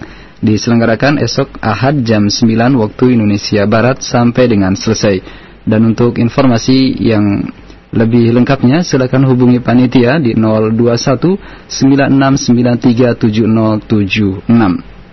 Kami ulangi di 021 96937076 atau di nomor lain silakan Anda bisa hubungi di 021 700 700 700 Berikutnya ikhwatal Islam, saudaraku seiman dan seakidah, khususnya untuk Anda di wilayah Cilincing, Jakarta Utara dan sekitarnya, bisa Anda ikuti dan hadiri kajian yang disampaikan oleh Al-Ustaz Abu Qatada Hafirullah dalam pembahasan tema kemuliaan dan keutamaan para sahabat, sebuah kajian yang akan memberikan penjelasan tentang kemuliaan dan keutamaan para sahabat serta bantahan bagi mereka yang membenci dan menyelisihi para sahabat radhiyallahu anhum ajmain. Untuk informasi uh, atau untuk tempat penyelenggaraan kajian ini di Masjid Jami Baitul Huda, Jalan Sungai Landak 15 RT 11 RW 8 Cilincing Jakarta Utara. Kajian ilmiah ini diselenggarakan untuk umum bagi kaum muslimin dan muslimat dan info lengkapnya silakan hubungi panitia di nomor 0815 9042 kami ulangi 0815 9042 Kemudian Khotal Islam untuk Anda khususnya yang berdomisili di wilayah Karawang dan sekitarnya untuk esok pagi akan diselenggarakan kajian ilmiah dengan materi pembahasan pendidikan anak sebagai dasar pembentukan karakter yang islami bersama Ustaz Dr. Erwandi Tarmizi MA Hafirullah beliau sampaikan insyaallah di Masjid Jami atau di Masjid Raya Perum Peruri Teluk Jambe Karawang Barat diselenggarakan untuk umum bagi kaum muslimin dan muslimat dan info lengkapnya silakan hubungi di nomor 0821 1383 1634 0821 1383 1634. Kemudian Hotel Islam bagi Anda di wilayah Pamulang dan sekitarnya, untuk esok akan diselenggarakan juga satu kajian ilmiah dengan tema Indahnya Surga bersama Al-Ustaz Fahrudin Nu'man Hafirullah di Masjid Nurul Hidayah, Perumahan Reni Jaya Lama Blok E, dekat Pasar Reni, Bojong Sari atau uh, tepatnya pula di dekat Universitas Pamulang Tangerang. Untuk informasi lengkapnya silakan hubungi 0812 850 9161. Kami ulangi 0812 850 9161. Kajian diselenggarakan Ahad esok pagi jam 9 sampai dengan menjelang zuhur. Berikutnya ikhwatal Islam, saudaraku seiman, Anda di wilayah Bekasi Timur dan sekitarnya. Untuk Anda bisa hadir dan ikuti kajian dengan pembahasan problematika remaja dan pendidikan anak yang diselenggarakan di Masjid Jami Al-Muhajirin di Perumahan Bumi Bekasi Baru Utara, Jalan Pelabuhan Ratu Raya yang diselenggarakan untuk Ahad esok jam 9 waktu Indonesia Barat sampai dengan menjelang zuhur Kajian diselenggarakan oleh pemateri Al-Ustaz Ali Subana Hafirullah dan untuk info lengkapnya di 33505014 33505014 dan informasi berikutnya juga untuk Anda bagi Anda kaum muslimin dan muslimat untuk hari Ahad sore bisa Anda ikuti kembali kajian rutin dari pembahasan tafsir Ibnu Kathir bersama Ustaz Abu Ahmad Zainal Abidin Hafirullah di Masjid Amar Ma'ruf depan kantor Dafsas Bula Kapal Bekasi Timur. Kajian ilmiah ini diselenggarakan untuk umum bagi kaum muslimin dan muslimat. Dan untuk info lengkapnya di 021 710 72695 710 72695 Demikian khotal Islam beberapa info untuk kajian ilmiah yang diselenggarakan untuk malam ini dan di hari Ahad esok semoga bermanfaat.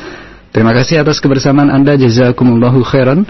Terima kasih untuk rekan-rekan para panitia eh, penyelenggara kajian di beberapa tempat yang tadi bisa kami sampaikan informasinya. Semoga Allah Subhanahu wa taala memberikan pahala dan ganjaran yang berlipat ganda untuk Anda dalam penyelenggaraan kajian yang insya Allah bermanfaat untuk kaum muslimin dan muslimat di beberapa wilayah tadi. Demikian ikhwatal Islam dan di kesempatan selanjutnya kami akan sampaikan informasi penerimaan untuk Sunduk Peduli Kemanusiaan untuk kaum muslimin Suriah yang kami akan uh, update informasinya untuk saat ini.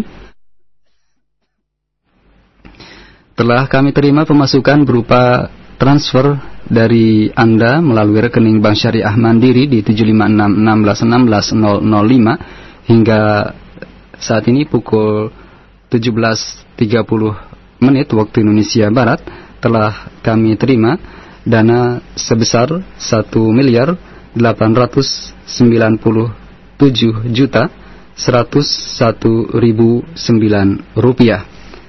Kemudian dana yang kami dapatkan dari kotak infak yang kami terima dari Islamic Buffer yang diselenggarakan beberapa waktu yang lalu sebesar 17 juta 339 ribu 500 rupiah Kemudian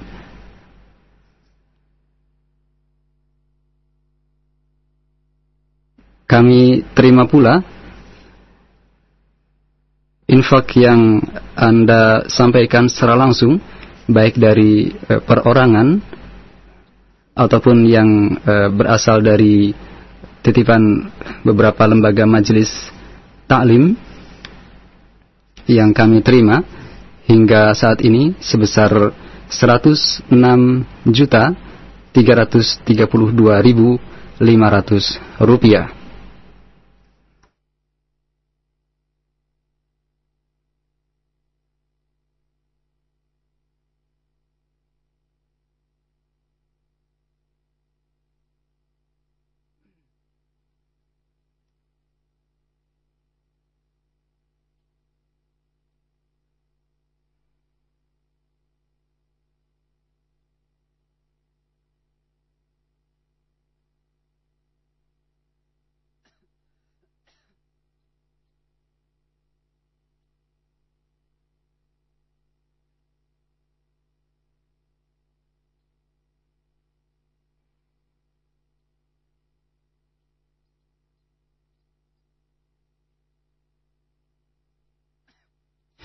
Nah, mohon maaf kami sampaikan kembali untuk penerimaan sunduk peduli kemanusiaan kami lanjutkan untuk dana yang kami terima secara langsung dari Anda melalui perorangan atau titipan dari beberapa lembaga dan majelis taklim hingga saat ini sebesar 106.332.500 rupiah. Kemudian kami dapatkan nilai jual dari infak berupa emas senilai 3.360.000 rupiah. Sehingga hingga kesempatan sore hari ini jam 17.30 waktu Indonesia Barat kami dapatkan uh, jumlah sementara di 2 miliar 24 juta 133.509 rupiah dan ditambah dengan infak dengan mata uang lain sebesar 32 real Saudi Arabia. Kemudian untuk eh, transfer tahap pertama yang telah kami sampaikan pada Selasa 27 Maret 2012 sebesar 200 juta. Kemudian kami pun akan menyalurkan eh, bantuan selanjutnya secara bertahap di kesempatan yang akan datang. Kemudian untuk Anda yang ingin mendapatkan informasi yang lebih lengkap dari program ini, kami persilakan untuk menghubungi atau uh, mengunjungi situs kami di www.radioroja.com. Demikian khotal Islam, informasi tambahan yang kami sampaikan. Kami ucapkan terima kasih jazakumullahu khairan atas perhatian Anda dan untuk selanjutnya kami hadirkan ke ruang dengar Anda beberapa jeda dan lantunan tilawal Quranul Karim untuk di kesempatan sore hari ini hingga dikumandangkannya adzan untuk salat maghrib bagi wilayah Jakarta dan sekitarnya. Tilawal Quranul Karim kami hadirkan ke ruang dengar Anda berikut dari surat Sajdah. Selamat mendengarkan.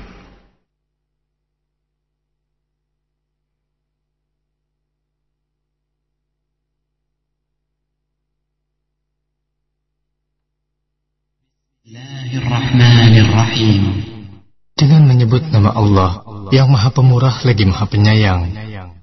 Alif Lam Mim. Tanzilul kitab la raiba fihi min rabbil alamin. Alif Lam Mim. Turunnya Al-Quran yang tidak ada keraguan padanya adalah dari Tuhan semesta alam. أم يقولون افتراه بل هو الحق من ربك لتنذر قوما ما أتاهم من نذير من قبلك